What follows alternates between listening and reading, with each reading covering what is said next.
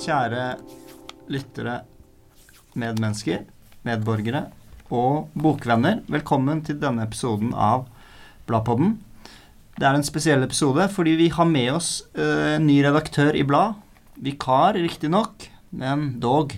Velkommen til deg, Liv Lund. Tusen takk. Så har vi med oss eh, evig redaktør i Blad, Even. Du er også kritiker, og det er du òg, Livet. Mm. Men velkommen til deg, Even. Teistum. Takk.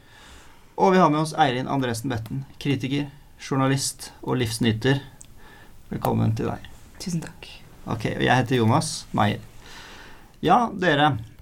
Eh, vi må ta opp noen ting. Dere har kanskje Redaktørene dere har, dere har mye å gjøre, så dere har kanskje ikke hørt forrige episode, men da ble klipp, under klippingen så han som, eller hun, jeg skal ikke nevne kjønnet, personen som klippet, eh, klippet sånn at eh, spurte framover, så det ble sånn veldig lys stemme på Eirin. Og den personen prøver Det er jo en, en Westerdal-student som vi prøver å sparke. Men det er vanskelig pga. fagforeningen. Men jeg vil bare be om unnskyldning for det. Vi skal ta ansvar og, og prøve å ordne, rydde opp i dette og håpe det aldri skjer igjen. Vi skal bli litt kjent med deg i livet.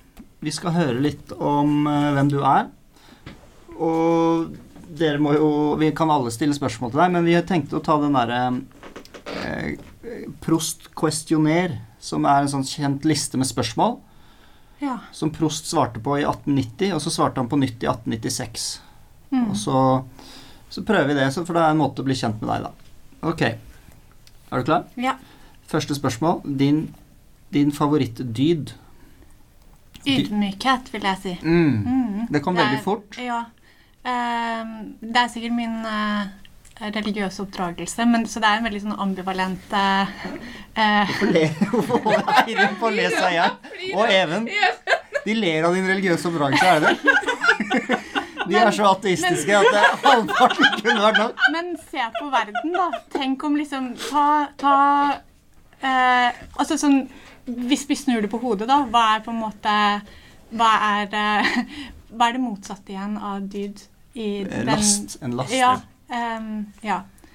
Det er jo mangel på ydmykhet i vår tid som er roten til veldig mye vondt. Bare Mm. tenk på kvalsaug og benproblematikken vi står midt oppi nå. Altså sånn Hadde alle bare litt Vi står ja.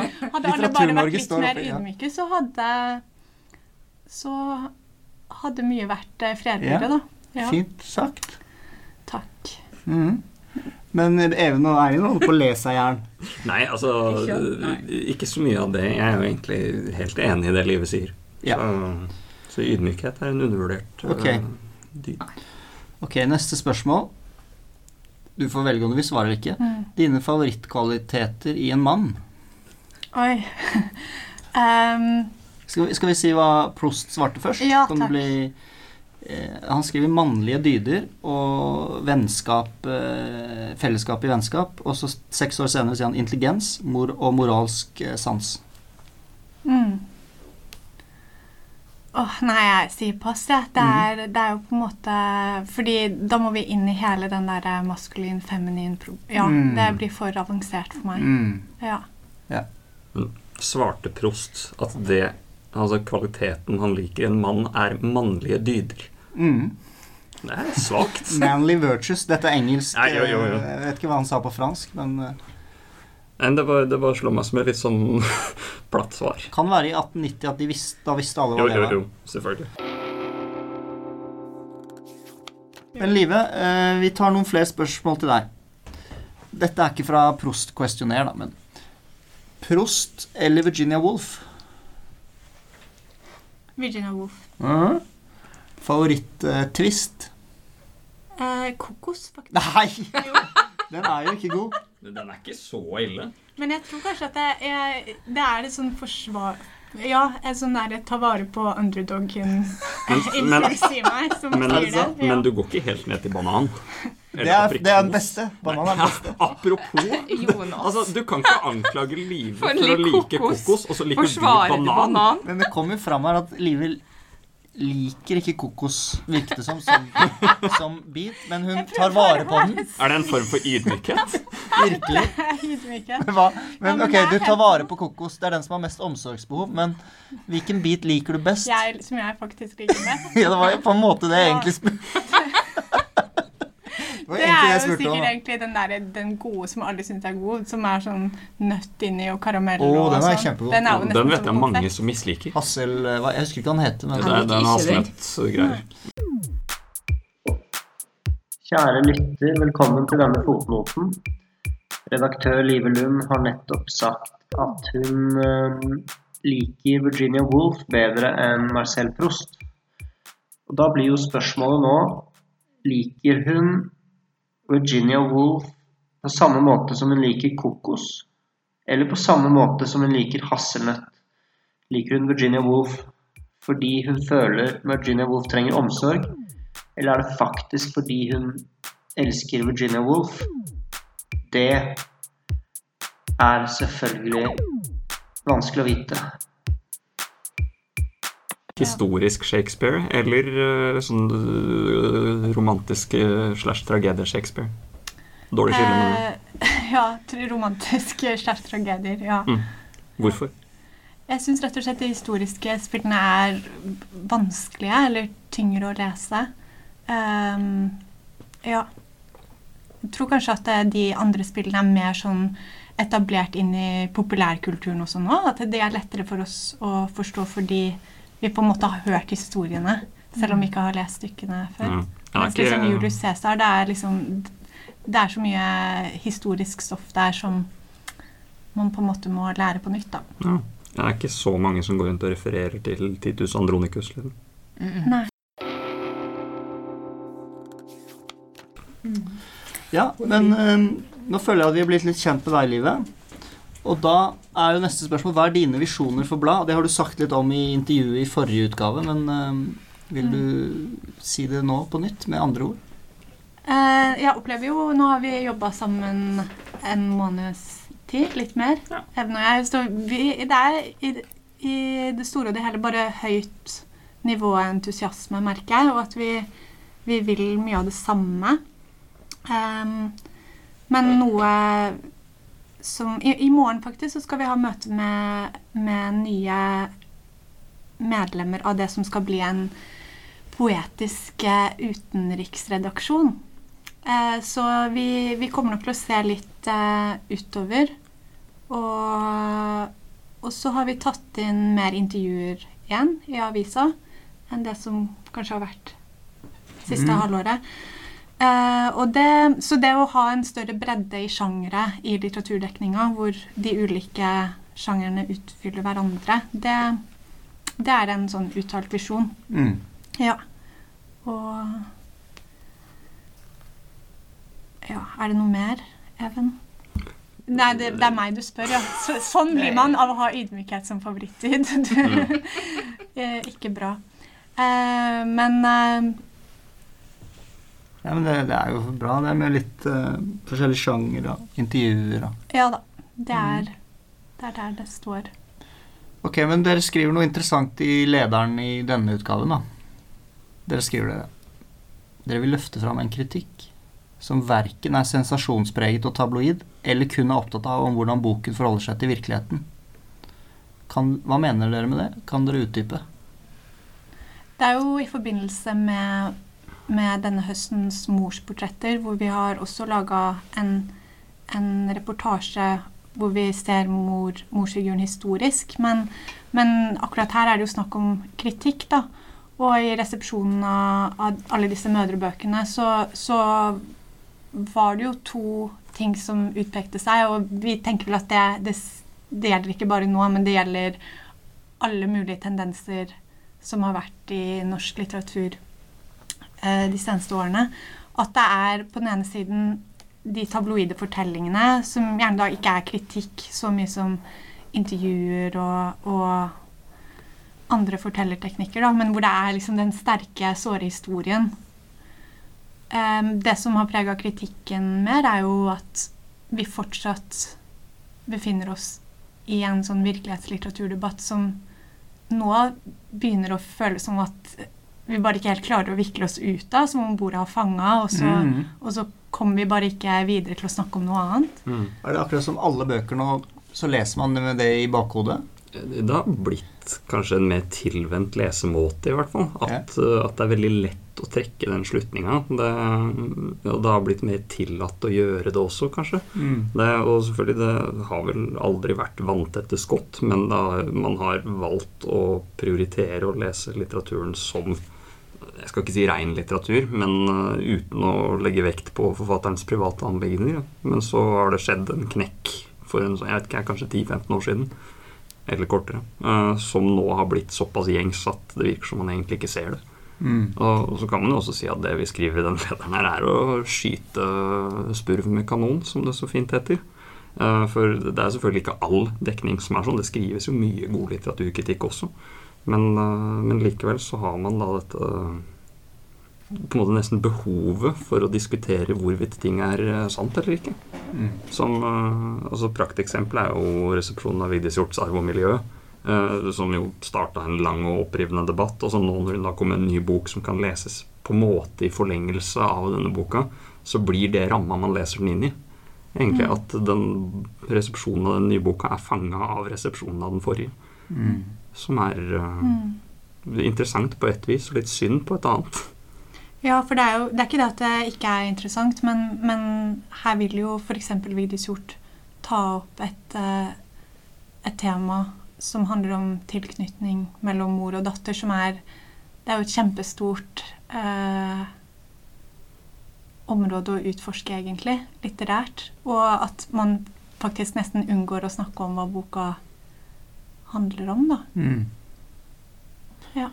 Jeg syns det har blitt vanskelig å lese Vigdis Hjorth. Ja, Etter den um, rundene med arv og miljø og sånn. Mhm. Og høre fra um, familien hennes og sånn. Mm. Fordi, I hvert fall de bøkene hvor, uh, hvor du får den følelsen at ja, her er det en del som kanskje er hentet fra hennes dagligliv. For jeg bare ser for meg henne hele tiden. Mm. Uh, men før så var det lett for meg å leve meg inn i det. Og sånn, så det har, det har eh, i hvert fall endret for meg da, mitt forhold til Vigdis Hjorth. Mm. Helt klart. Mm. Men hvis, eh, hvis eh, resepsjonen hadde eh, tatt en annen retning igjen og begynt å vektlegge andre ting, hvis resepsjonen av 'Er mor død' hadde vært annerledes, så kunne man kanskje endra det igjen.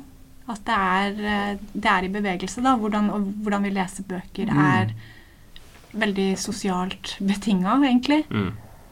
Ja. Men hvis dere ikke vil ha virkelighet og ikke vil ha sensasjon, hva skal kritikken gjøre da?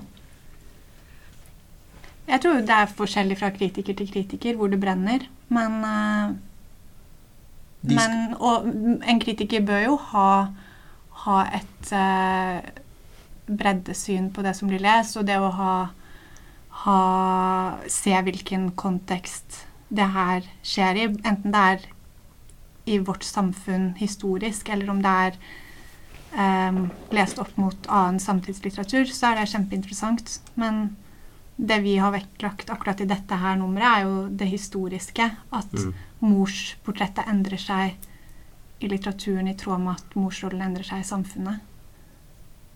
Mm. Jeg bare satt og tenkte på den barselbølgen. jeg. Ja. Ja, for Apropos det, da, for å, for å bare assosiere litt fra den uh, reportasjen vi har gjort i det nyeste nummeret, så påpeker Sandra Lillebø, som jo er en av disse forfatterne som både har skrevet om sin mor og blitt tatt imot med en sånn slags uh, Oi, jaså, du skriver om mora di? Uh, men hun påpeker at hun ikke kaller det en barselbølge, men en, eller en barsellitteratur, men omsorgslitteratur. Eh, og med en gang så har man et annet blikk på det. Da handler det ikke lenger Eller sånn da rammes det ikke inn Ja, ja, av den litt sånn smålige måten å se det på, men det blir heller noe som er sosialt i større grad. Du får spørsmål om omsorgen, tradisjonelt sett eh, et kvinnelig arbeid, eh, som begynner å omdistribueres. Da. Og så plutselig så har man en hel haug med problemstillinger. Hva skjer, hva skjer når omsorgen omfordeles, når den svikter, når den utvikler seg osv.? Det, og det er kanskje sånn Det er ikke bare forfatterens oppgave å se sånne ting, det er også kritikerens, Mhm. kan man kanskje si. For det var vel eh, Hva heter han som kom med det barselbølge Eller det har kanskje vært flere. Nei, Men, Endre Ruset. Ja. Ruset er det. Ehm, det er litt som eh, det, det ordet sitter jo, liksom, og så kanskje det blir en merkelapp, og så preger det lesningene. Mm, ja, men det tror jeg nok. Og jeg veit jo at det er opptil flere som har uttrykt uh, at de er lei av det, på samme måte som man, man er lei av ordet virkelighetslitteratur. Ja. Selv om på en måte autofiksjon ikke er så mye bedre. Men uh, det har i hvert fall en litt større uh, horisont. Mhm. Eh, og sånn det barselbølgebegrepet er også sånn jeg vet ikke, Det var bare et eller annet kanskje med at den kronikken var litt Apropos skytespurv med kanon, da. Mens at en omsorgslitteratur er litt sånn Ja, det favner videre. Så her har kritikerne et ansvar egentlig til i språket sitt, da. Hvordan de preger hvordan bøker blir lest. Er det det vi sitter egentlig og snakker om? Ja, altså, Absolutt. Ja, I og med at litteraturkritikk også er en form for formidling, eh, og kanskje i veldig stor grad, egentlig, så er det jo altså Det er ikke bare forfattere som skal veie hvilke ord de bruker, og hvilken valør de legger i det. Det er jo også kritikernes jobb. Mm. Eh, Det er, jo, det er faktisk det som er jobben. En ting er å lese og bedømme en bok estetisk og etisk, for så vidt. Eh, Men så er det også altså, å være obs på egen språkbruk, hvordan du rammer inn en bok. Da. Det har jo altså Jeg skal ikke si at litteraturkritikk har mye å si for den allmenne verden, men for litteraturens verden så har den jo ganske mye å si. Mm. Så, så hvis du sier til f.eks. Kjersti Skomsvold og Monica Isaksen dere har skrevet barselbølgebøker, så sitter det stempelet på det. Og så kan de si så mye de vil at de ikke har det, men da fortsetter mediene å reprodusere denne frasen. da. Det er litt som Trump som kommer med sånne kallenavn. At det liksom blir sittende. Eller Siv Jensen. Ja, men Eller apropos det, så, så er det jo Jeg tror vi må snakke mer og mer om hvordan kritikken er en del av journalistikken. Og, og selvfølgelig, det er jo forskjell på hvor, hvor kritikk blir publisert, men, men sånn som Ja, veldig mange av de anmeldelsene som setter dagsordenen eller preger lesemåtene våre, da, er jo publisert i avis. Og vi vet jo veldig godt at Eller det er masse snakk om hvordan offentligheten blir mer polarisert, og mer og mer skal leses på nett, og, og måten man konkurrerer om lesere på, har endra seg. Og hvordan påvirker det kritikken?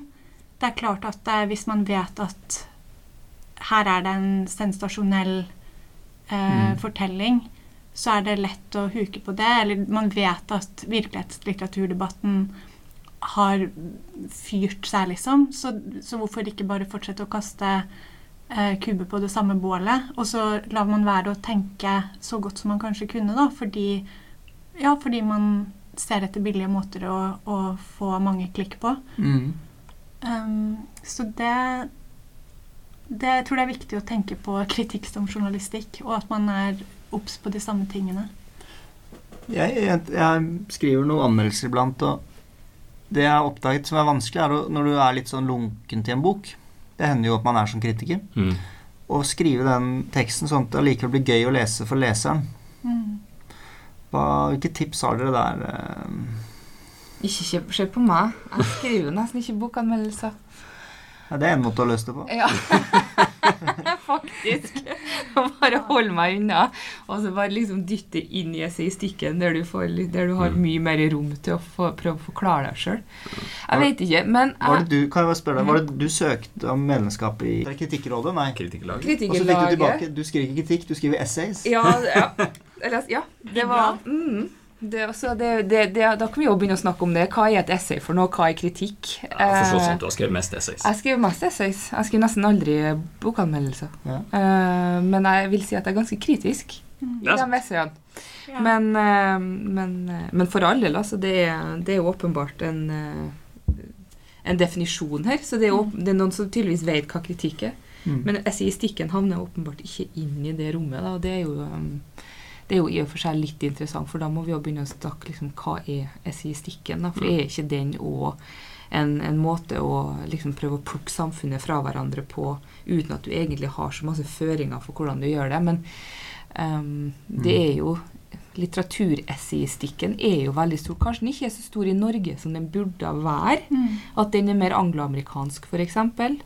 At de, det finner, men det er jo en del essaysamlinger som har kommet ut eh, på norsk de siste årene. Og, um, og ikke minst um, Altså, Ellefsen, Bernhard Ellefsen han har jo skrevet det i, imot døden. Mm. Det er jo et, et essay, ikke Mm. sant? Men han er jo også en sånn angloamerikaner. Ja, Så- det er jo jeg òg, da, vet du. Sånn. Det er ja. jo samme ulla. Så det er kanskje det er derfor vi, vi liker formen. Hvem vet? Mm. Mm. Liker Ja. langformen og ikke kortformen.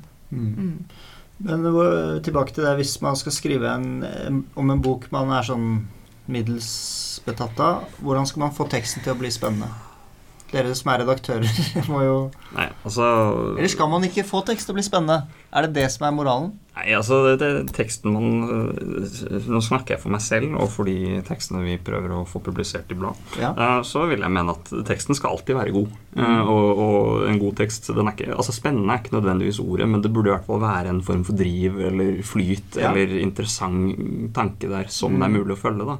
Eh, Men min erfaring med de gangene hvor jeg merker etter et par eh, 10-20 sider at det her kommer til å bli dårlig, da okay. hvis det skulle være sånn at jeg kjenner sånn ja, dette går ikke, da ber jeg faktisk om å få slippe. du gjør det, ja. Det, det har ikke skjedd mer enn et særdeles Men er ikke det ganger. òg et litt interessant eh, altså en interessant posisjon å ha? Mm. Å få lov til å stå Da må du faktisk Det er én ting å prise bøker, men altså det, det å få lov til å finne Altså gå inn i materien, og hva er det som gjør at jeg ikke liker boka? Hva er det som gjør at jeg er lunken til boka? Mm. For det er kanskje en, muligens nesten en enda mer lærerik eh, øvelse, fordi at det, du, du må være så veldig tydelig på hva er det som gjør at det her ikke liksom når fram. Mm. Er det dialogen? Er det språket? Er det selve handlinga? Er det historier? Det ting som ikke henger sammen? Er det Mm. Nå bare velger jeg litt sånne enkle ting, her, men hva er det som gjør Er det, er det at ideen om bo, hva boka skal være, ikke får lov til å utspille seg på en måte som føles organisk? Det er jo litt, det er jo litt interessant å lese kritikken der en faktisk må begrunne hva er det som gjør at jeg ikke liker den boka her òg. Jo, jo. Ja, absolutt. Ja. Det, det, men det er, sånn, det er bare en følelse jeg har selv, da, at de gangene hvor jeg kjenner at jeg kommer ikke til å klare å skrive en interessant tekst Nei, sant. fordi, fordi den Altså, det er hvis, det, hvis jeg blir provosert, hvis jeg syns noe er veldig dårlig, da, da er det lettere å skrive. Altså, Ja. som jeg, jeg liker jo ikke å slakte, men øh, men når det er sånn at jeg bare Når jeg ikke bryr meg Når jeg, Ja. når jeg leser 20-30 sider og tenker det her gir meg ingenting Mm. Uh, og, og det, er ikke, det er på en måte ikke et negativt ingenting, det er bare tomt. Det er ofte Da- stort komisk potensial, syns jeg, i det der. Det Mm. derre uh, uinteressante. Ja vel. Ja. Fordi litt som du er inne på der, at det er, det er eh, Vi har jo mange eksempler på det i bladet. Eh, altså morsomme kritikker som kanskje er litt på bekostningen av boka det skrives om, da. Mhm. Men hvis du klarer å sette fingeren på hva som er problemet, Mhm. så er kanskje det ikke bare problemet i denne boka, men at det sier noe om en generasjon, en ty viss måte å skrive på, Mm. eh, at det er noen klisjeer der. Mm. Mm. Eh, og påpeke de fallgruvene som forfatteren ikke har sett selv. Det, er jo, det kan være slemt, men det kan også Mm. være veldig morsomt. Ja. Mm. Jeg snakket med en redaktør her om dagen, forlagsredaktør, og han sa at når han leste kritikker, det var nesten verre som redaktør enn som forfatter. Han er forfatter òg. Ja. Og så sa han han leste kritikken av sin, sine forfattere da, veldig fort først. Mm. Han bare så på det, og så fikk han en følelsesmessig reaksjon. Og så måtte han bearbeide det. Puste inn, ut. Og så kunne han lese det roligere etterpå. Mm. Det er ganske For de har jo jobbet med denne boken, Mm. ikke sant. Ja. Og som du sier, kanskje det blir påpekt. Men han sa at de visste alltid Hadde alltid tenkt på det kritikerne sa. Det hadde alltid Mm. vært med i Han mente han aldri helt ble overrasket, men at de hadde Mm. grunner til å allikevel ble sånn som det ble, da. Mm. Men um, ja. Men kommer vi noe videre nå med middelmådige bøker og, og likevel skrive en god tekst? Det er drivet, det er energien. Hvordan lager man komikken, god Komikken, ja. Komikken. Mm. Titla, hvordan lager man en god tittel? Er det bokstavrim, eller er det det er vanskelig. Og der tenker jeg jo at plattformen er forskjellig. Det, Ja. Du skriver forskjellige tit eh, titler i tidsskrift og i avis, og du har Mm. andre titler på nettavis enn du har på papiravis. Mm. Ja. Og det er individuelt også, hvis man får friheten til å velge. Mm. Det, noen er gode på titler, andre er dårlige på titler. Man har sine foretrukne måter å gjøre det på. Jeg syns dumme referanser er veldig gøy. Ja, Det, eller forsøk på veldig dårlige ordspill. Ok.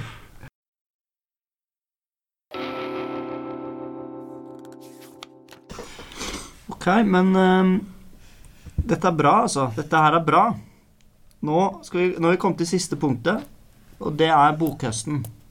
Ikke sant? Men dere ville ikke snakke om bokhøsten.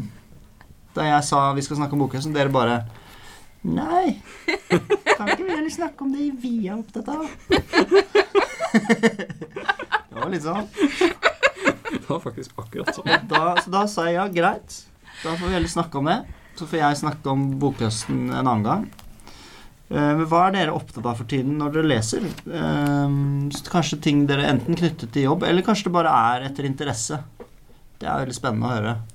Så mm, hvor skal vi starte hos deg, Livet? Ja, jeg leser nå Er fullstendig oppslukt av Tore Rems 'Forfatterens strategier' fra 2002.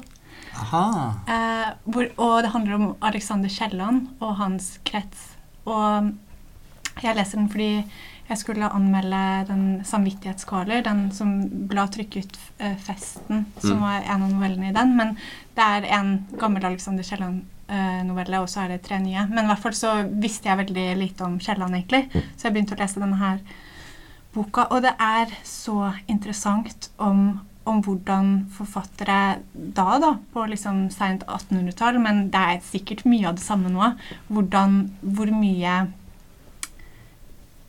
hustle det er, på en måte, for å eh, komme seg opp og fram. Og, og um, hva er det ordet som du er opptatt av, Jonas? Eh, Felt? Litterært felt? Nei. eh, allianser. Allianser. Hvor mye alliansebygging det er. Ja. Og han skriver f.eks. lange brev til Georg Brandes og ber om å få eh, gode anmeldelser. Og, Kielland? ja, Og ber om å få gode ja, ja, anmeldelser? ja. Okay. Og masse sånn ryggsterking, egentlig. Ja. Alle veier på alle bøker og kanter. Og ja, det er fascinerende, altså. Ja. Ja. Det er kjempe Det er en litt sånn skjult side da, av litteraturverdenen. Mm. Slik Ja, det er, det skjult er den vel på en måte ikke. Det, du skulle visst hva som gikk på i eh, mellom blader-skribenter. Ja, det skjer ting. Nei, Det gjør ikke det. Men øhm, ok, ja, for vi, vi hørte en historie om at du skulle møte Even, og så gikk du og leste på gaten. ja, da var jeg fortapt i denne, Ja, ja. denne boken til Tore Hva er det det treffer i deg, liksom? Er- Um, jeg tror at jeg syns Tore Rem skriver uh, at det er veldig tilfredsstillende å, å lese noe som virker så etterrettelig og grundig og, Mm. og bra. At det, det er forfriskende i seg selv. På Da bør du lese min masteroppgave Å ja. Om Kirkegård og hans strategi. Ai, ai, ai. Ja. Men ikke sant, det er den her kombinasjonen av det profane og det Hva er det motsatte av profane igjen? På en måte Hellige? eh, Metafysiske. Ja. eh, at på en måte ideene og, og kunsten Ja. og det store kunstnergeniet Og så ser du at det er jo bare eh, Nedrig, nesten. Ja, det er veldig sånn eh, gate... Du må være street smart, da. Mm. Og, og Kielland kunne jo være det fordi han også kom fra et sånn overklassemiljø. Så han visste hvordan han skulle spille dette her spillet. Yes. Det er jo Bourdieu som snakker om Flaubert og sånn, at han Ja, hadde de pengene, han hadde muligheten. Kirkegård hadde det samme. Medfødt kapital. De skjønner kodene på en helt annen måte. altså. ai, ai, ai. Ja. Ja, fordi det er på en måte Bourdieu sitt eh, strategibegrep som Ja. Tore Rem bruker her, da. Heftig. Så det er, eh, det er både et eh, tidsportrett på en måte fra disse forfatterne på den tida. Bjørnson var også en viktig alliert for Kielland. Men, men det, det kaster jo lys inn i vår tid. Selv om jeg tror jo vi er mindre korrupte i litteraturmiljøet nå. Men, men at det, alltid, det er alltid en materiell side, da. Det er kanskje det Mm. som det viser veldig tydelig. Mm. Uh, Even, hva er du opptatt av for tiden? Jeg er opptatt av mat. Mm. Det er altså, for, for å bare helt kort nevne Flyndra igjen, som jeg var inne på, det er ekstremt mye mat i den boka. eh, Og da ble jeg litt yr, for, eh, for da jeg var liten, hadde jeg lyst til å bli kokk. Eh, Og så har dette tatt litt eh, mye plass etter hvert. Eh, Etter at jeg har lest den, så her forleden så gikk Liv og jeg i en pause fra jobben på kontoret innom Nordli, og så kjøpte jeg en diger tysk kokebok. Eh, som, eh, som jeg bruker tida mi på for tiden. Og så leter jeg etter andre steder hvor det fins mat i litteraturen, for det er overraskende sjeldent. At, eh, at noen skriver om mat, og skriver godt om det. Mm. det mm, så det er nå så. Dessuten så leser jeg Brødrene Grim, eventyrene deres. Også pga. Flyndra, fordi den er bygd på et av eventyrene fra, fra Grim. Aha. Og det, det er kjempegøy. Og utrolig brutalt. Mange øyne som stikkes ut og sånn. Mm. Yep. Ja. Hva med deg, Eirin? Jeg leste Don DeLillo sin uh, siste i går, 'The Silence'. Og den var jo ikke så lang, så jeg leste jo. I forrige episode så sa du sånn Ja, jeg nevner alltid Don DeLillo. Jeg gjør det, for da snakker vi om White Noise, som kanskje er favorittboka. Men har han kommet ut med en ny bok nå? Ja, var verdenslansering i går. Ok. Ja. Og den var Jeg likte den veldig godt. Har du kjøpt den? Ja, jeg har kjøpt den. Ehm, han er jo Den boka jeg liker veldig mye av alt Don DeLillo har skrevet, men du merker jo sånn fra americana på 70-tallet til White Noise på 80-tallet, og så til Altså Underworld er jo sånn svær eh, det, altså, det er jo en, en murstein, så det er jo litt vanskelig å komme seg gjennom, men ta et litt enklere verk da, som er Point Omega. Ikke at det er enkelt, men det handler jo altså, Og så kommer vi til The Silencer, og det, han var alltid veldig opptatt av, av ting og av, eh, av tall og av hvordan ting blir oppfatta. Mennesker versus altså den teknologiske verden, eh, og hvordan tingen, tingene på en måte former oss, og vi former dem. Og nå er jo den boka her eh, har jo fått et litt større rammeverk fordi at den ble ferdig ferdigstilt faktisk rett før pandemien brøt ut i mars. Ehm, og så handler den jo om et, et massivt strømbrudd. Uh, og hvordan eh, Så bør jeg ikke på en måte fortelle om alt. Den er verdt å lese. Den er 117 sider bare. Å, ikke mer, så nei, ja, så den, ja, den er veldig, veldig Så jeg lå bare på sofaen og leste hele boka i one go i går. Og Åh, det, det, hele? Hele greia. Mm. Og det er veldig behagelig. Hvor lang tid brukte du cirka? 100 en time. En time bare? Oi. Wow. det er en deilig ettermiddag. Da leser du ganske fort, tror jeg. Mhm. Eller? Ja, Skumleser. jeg skumleser ikke, men, men det, var, det, det var ikke små bokstaver. Nei, nei. Men, Så, men ja. men, Eh, flott bok. hva er du opptatt av nå for tiden, da, Jonas? Det er hyggelig at du spør. Jeg er opptatt av Kolon forlag. Og Er du kjøpt av dem? eh, Nei, men Har de slikka deg på ryggen? Eh, nei, det har de ikke. Men hva heter han Bjørn eh, Ågenes? Bjørn Ågenes, hvis du hører på dette, du kan gjerne sende meg eh, bøker i posten. Eh, jeg har flyttet nå. Stars gate 24. Men eh, det var mye fine bøker. Jeg har lest Einar Stenseng, en riktig stygg bok. Jeg har lest Caroline Brennjord, 'Jeg vil våkne til verden'. Jeg har begynt på eh, Fato Aasbakk sin eh, 'Været og uvirksomheten'. Det er de tre. Er det flere jeg kommer på? Kolon. Jeg tror det var de tre. Jeg liker alle tre. Mm. Så det er, skjer spennende ting på Kolon eh, forlag, altså. Favoritt? Uh. Nei, det klarer jeg ikke. De er veldig forskjellige, altså. Mm. Virkelig. Så jeg tror jeg bare sier at jeg likte alle tre. Mm. Ok.